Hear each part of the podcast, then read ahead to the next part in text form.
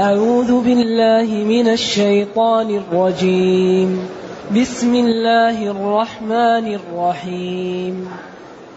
قل يا أهل الكتاب تعالوا إلى كلمة سواء بيننا وبينكم. سواء بيننا وبينكم ألا نعبد إلا الله ولا نشرك به شيئا ولا يتخذ بعضنا بعضا أربابا من دون الله فإن تولوا فقولوا اشهدوا بأننا مسلمون الحمد لله الذي أنزل إلينا أشمل الكتاب وأرسل إلينا أفضل الرسل وجعلنا خير أمة أخرجت للناس. فله الحمد وله الشكر على هذه النعم العظيمة والآلاء الجسيمة. والصلاة والسلام على خير خلق الله وعلى آله وأصحابه ومن اهتدى بهداه. أما بعد فإن الله جل وعلا يقول لنبيه قل لهم يا نبي يا أهل الكتاب. يا حرف نداء للبعيد والأهل هم الأصحاب الشيء. آل البيت آل فرعون آل الكتاب يعني هم أصحابه وجماعته الذين يتولونه. والكتاب المقصود به هنا التوراة والإنجيل. وإن كان أكثر ما يقول هنا المقصود النصارى لأنهم هم سبب إيراد الآيات. تعالوا هلموا إلى كلمة. الكلمة أصلها هي إحدى الكلمات الثلاثة التي تتكون منها اللغة العربية. لأن اللغة العربية تتكون من ثلاث كلمات. وقد تطلق الكلمة على الكلام. فالكلمة هنا كلام. هو قال كلامنا إيش؟ لفظ مفيد. بعدين قال واسم وفعل ثم حرف الكلم الكلام. واحدة كلمة. والقول عم وكلمة بها كلام قد يؤم. قد يطلق الكلمة تطلق على الكلام. كما قال كلا إنها كلمة. هو قائلها وهو قوله رب ارجعون لعلي أعمل صالحا فيما تركت. نعم. تعالوا هلموا إلى كلمة سواء بين إلى قول سواء بيننا وبينكم. هذا القول هو لا إله إلا الله. أو الكلمة مبينة بقوله أن لا نعبد إلا الله. إذا يا أهل الكتاب تعالوا. نحن وأنتم نأتي إلى شيء نستوي فيه. يكون ما في واحد أقرب للثاني منه ونتفق عليه. وهذا من عدل الإسلام ومن إنصافه ومن قوة أدلته وبراهينه التي يأتي بها للناس. فلذلك قال لهم ما داموا امتنعوا عن المباهلة. قال لهم طيب تعال نتباهل. فلما رأوا الجد نكصوا هم عارفين. ولذلك هذا الدين أي واحد له عقل أو له بصيرة ينظر فيه يعلم أنه هذا دين من الله. وبالأخص من كان عنده يعني علم سابق وعنده نظر في الكتب. أما الآن فأصبح وضوح الدين لا لبس فيه لكثرة المعلومات. لأن الآن أصبح تطور مذهل في العالم وأصبحت المعلومة سهلة بشكل عجيب ومع ذلك لا يوجد شيء من العلم يناقض هذا الدين. فأي إنسان ينظر نظرة منصفة في هذا الدين يؤمن على طول. لأن التوراة فيها تناقض. الإنجيل فيه تناقض. كل الكتب فيها تناقض. الكتاب لا يوجد فيه تناقض. لا يضرب بعضه بعضا. ولا يناقض الواقع ولا توجد علمية مبرهن عليها يخالفها القرآن. بل بعض النظريات التي كانت غير معروفة هي اكتشفت من أجل القرآن. إذا هلموا وتعالوا إلى كلمة إلى قول سواء بيننا وبينكم. كلمة سواء. سواء يمكن تكون بدل من كلمة أو صفة لها أن لا نعبد إلا الله. يمكن أن لا نجعل الجملة في محل نصب ويمكن نجعلها في محل جر ويمكن نجعلها في محل رفع. أن لا نعبده أن وما دخلت عليه أيوة في تأويل مصدر. إلى كلمة سواء بيننا وبينكم هي عدم فالكلمة السواء هو عدم عبادة غير الله. فتكون بدل من الكلمة أو تكون منصوبة بنزع الخافض بأن لا نعبد أو على أن لا نعبد أو تكون في محل خبر أو مبتدأ هي أن لا نعبد إلا الله. إذا يجوز فيها الإعراب الثلاث تكون في محل نصب وفي محل رفع وفي محل جر. وهذا يدل على إنصاف هذا الدين وعلى أنه يأتي بالبراهين والأدلة. الإسلام ما يدعو واحد ويقول تعال ادخل فيه لا. يقول تعال أنظر لنفسك. لذلك الله قال لا إكراه في الدين. بعدين من أوجدك؟ من أوجد الكون؟ من أعطاك ما عندك؟ إذا ما دمت أنت تؤمن بأن هذا الكون له موجد وهو الله. وأن هذا الموجد للكون أرسل رسولا وهو محمد صلى الله عليه وسلم. وجاء بهذه الشريعة. إذا ينبغي أن تتبع. لذلك لا يؤمر الإنسان بممارسة الدين إلا بعد الإيمان بالله والإيمان بالرسول صلى الله عليه وسلم والإيمان بالقرآن. ثم بعد ذلك يمارس يطلب بس بممارسة الصلاة والعبادة. أما واحد تقول له صلي وهو لا يقتنع بالدين. هو ما هو رايح يصلي؟ لذلك الصلاة صعبة على غير المسلم. وإنها لكبيرة إلا على الخاشعين. أصعب شيء الصلاة. لأن فيها وضوء وفيها جماعة وفيها حركات. بعدين الذي لا يؤمن ما يكون خاشع ما يقدر للصلاة. لذلك جاء بمؤكدين. واستعينوا بالصبر والصلاة وإنها لكبيرة.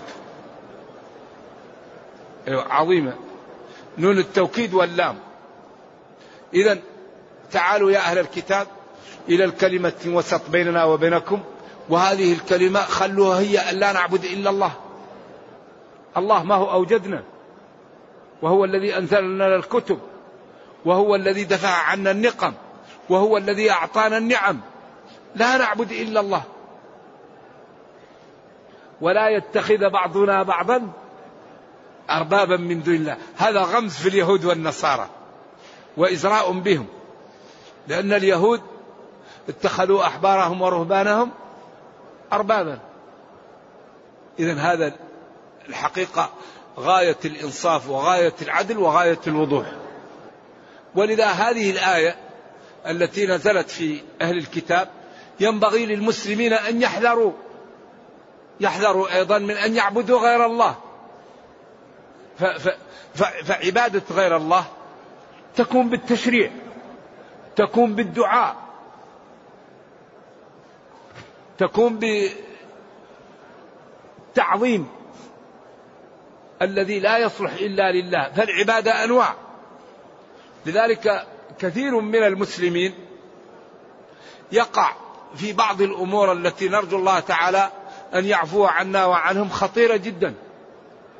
من أبجديات ما يقع فيه المسلمون أن يذهبوا إلى القبور ويسألوهم الحوائج.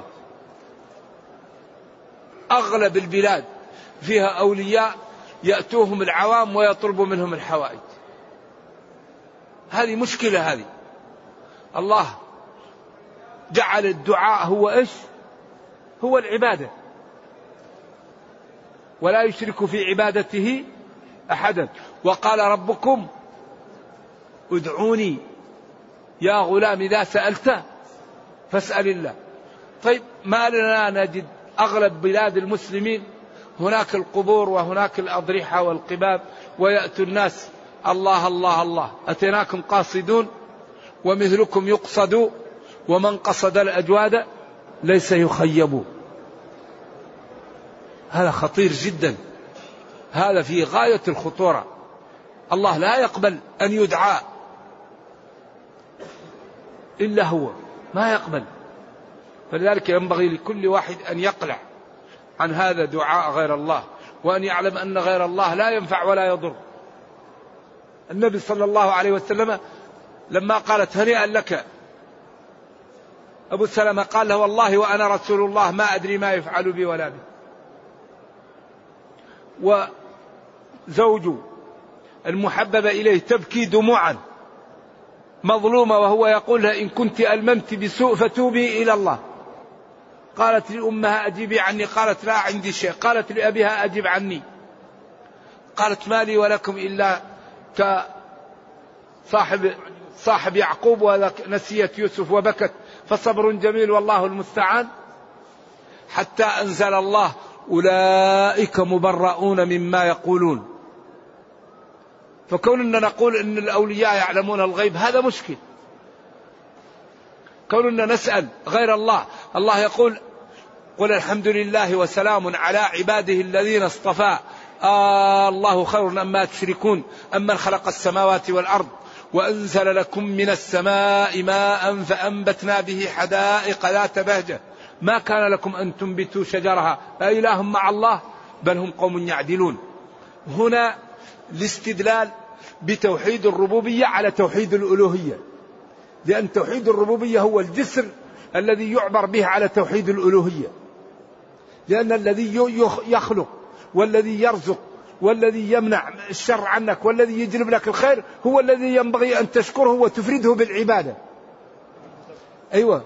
لذلك هو يجعل توحيد الألوهية هنا توحيد الربوبية أساس لتوحيد الألوهية. قال الحمد لله. أمن خلق السماوات والأرض. بعدين قال أإله مع الله. ثم قال بل هم قوم يعدلون. ثم قال أمن جعل الأرض قرارا. وجعل خلالها أنهارا. وجعل لها رواسي. وجعل بين البحرين حاجزا. أإله مع الله. بل أكثرهم لا يعلمون. ثم قال وهو محل الشاهد. أمن يجيب المضطر إذا دعاه. أمن يجيب المضطر إذا دعاه. ويكشف السوء ويجعلكم خلفاء الأرض. أإله مع الله. وهنا قال قليلا ما تذكرون. قليلا ما تذكرون حيث تفرقون بين إجابة المضطر وبين خلق الجبال والكل حق خالص لله. بعد إجابة المضطر قال قليلا ما تذكرون. لأنك لو سألت أي واحد يقول لك من خلق الجبل؟ يقول لك الله. من خلق البحر؟ الله. طيب من يجيب المضطر؟ كل بلد له أولياء. هذه مشكلة. هنا قال قليلا ما تذكرون. إذا تعال نحن وأنتم يا أهل الكتاب إلى كلمة مستوي نحن وأنتم فيها وهو أننا لا نعبد إلا الله. فدعاء غير الله أو قول أن غير الله يعلم الغيب. لا يعلم الغيب إلا الله. كن نقول أن الأولياء يعلمون الغيب. من أين هذا؟ من أين أتينا بأن الأولياء يعلمون الغيب؟ وإبراهيم ذبح عجل للملائكة ولوط ضاق ذرعا بالملائكة لما جاءوا ونوح قال ربي إن ابني من أهلي ويعقوب ابيضت عيناه من الحزن وليس بينه وبين يوسف إلا صحراء سيناء وربنا جل وعلا يقول قل لا يعلم من في السماوات والأرض الغيب إلا الله. طيب يجينا واحد ويقول فلان يعلم الغيب إيش نقول له؟ نقول له بأبسط أسلوب كذاب لا يعلم الغيب إلا الله. إذا نعبد الله لا ندعي أن غير الله يعلم الغيب. لا نسأل غير الله. لا ننسب فعل الله لغير الله. لذلك تحقيق التوحيد لله هذا إذا عمله الإنسان يستنير. يكون أي عمل يمشي له الحال. لكن المشكلة أن الله يقول وما أكثر الناس ولو حرصت ويقول وإن تطع أكثر من في الأرض. فلذلك ينبغي لنا أن نحقق هذا الجانب أن لا نعبد إلا الله. لا نعبد إلا الله فلا ندعو غير الله. ولا نقول أن غير الله يمكن يأتي بالمطر ولا نقول أن غير الله يمكن يعمل أي شيء. قل لا يعلم من في السماوات والأرض غيب إلا الله. الناس لا يمكن أن تعمل شيء إلا بما أعطاها الله. لما قال جاء الملك وقال له ما لا تريد؟ قال له أما إليك فلا لكن إلى الله. فلذا ينبغي للمسلمين أن يتوجهوا إلى الله فيدعوه ويسألوه ويرغبوا إليه. ويتركوا غير الله وكثير من الناس لا ينتبه. إذا تعالوا هلموا إلى كلمة سواء بيننا وبينكم. هذه الكلمة هي أن لا نعبد إلا الله ولا نشرك به شيء. لا ولي ولا نبي ولا صنم ولا مال ولا ولد. لأن أحيانا الناس بعض الناس يكون معبود ولده. ولدك يقول لك أنت لازم تأتيني بالحرام تأتيه بالحرام. بعض الناس يكون معبود المال لازم له من المال يروح يعصي الله ويعمل المعاصي ويعمل السبعة عشان يأتي بالمال. فلذلك ينبغي أن تكون محبة الله ومحبة الإسلام فوق محبة المال والولد. الله يقول إنما أموالكم وأولادكم والله عنده أي ما تجدون من المتع في المال والولد أعظم منه ما عند الله من الأجر. لو اتقيت المال آه، الله في المال والولد.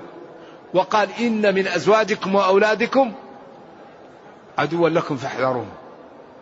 إن من أزواجكم وأولادكم عدوا لكم فاحذروهم. أن يستدرجوكم فيوبقوكم. ومع ذلك حذركم لهم فإن تعفوا وتصفحوا وتغفروا ولا تؤاخذوهم بأخطائهم فإن الله غفور رحيم. إن حرف توكيد ومن للتبعيض من من بعض أزواجكم وأولادكم من حرف من حرف جر للتبعيض هنا. من بعض أزواجكم وأولادكم. للتبعيض نعم نعم. ولا يتخذ بعضنا بعضا أربابا من دون الله. يؤله بعضنا بعض ويعبده لا. فإن تولوا عن اتباع ذلك فقل لهم اشهدوا بأننا مسلمون مستسلمون ومنقادون لله. ولذلك هذا دين الإسلام جاء ملخص في هذه الآية. بعد أن امتنعوا عن إيش؟ عن المباهلة. ولذلك ورد في الآثار أنهم لو باهلوا لاستؤصلوا. لكن خافوا. ذلك هذا الدين قائم على أسس وعلى قواعد وعلى دعائم لا يمكن أن يقاوم. ولكن حري بنا إيش؟ أن نعطيه الوقت. حري بنا أن نعطي الوقت للكتاب فنقرأه. ونعرف الأوامر ونمتثلها. ونعرف النواهي ونجتنبها. ونعرف الآداب ونتأدب بها.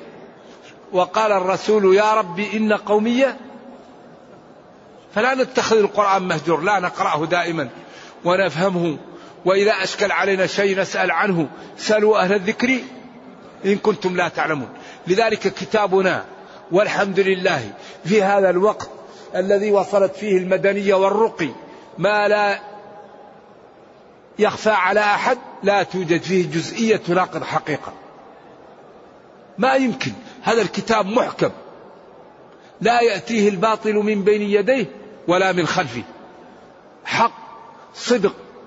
يدعو إلى الرفق ويدعو إلى النزاهة ويدعو إلى العدالة ويدعو إلى المواساة ويدعو إلى العطف ويدعو إلى الستر ويدعو إلى الشجاعة ويدعو إلى التضحية ويدعو إلى الإيثار ويدعو إلى الرفق ويدعو إلى العفة لا توجد فضيلة إلا وهذا الكتاب يدعو إليها إليه تعالوا إلى كلمة سواء بيننا وبينكم أن لا نعبد إلا الله كلمة.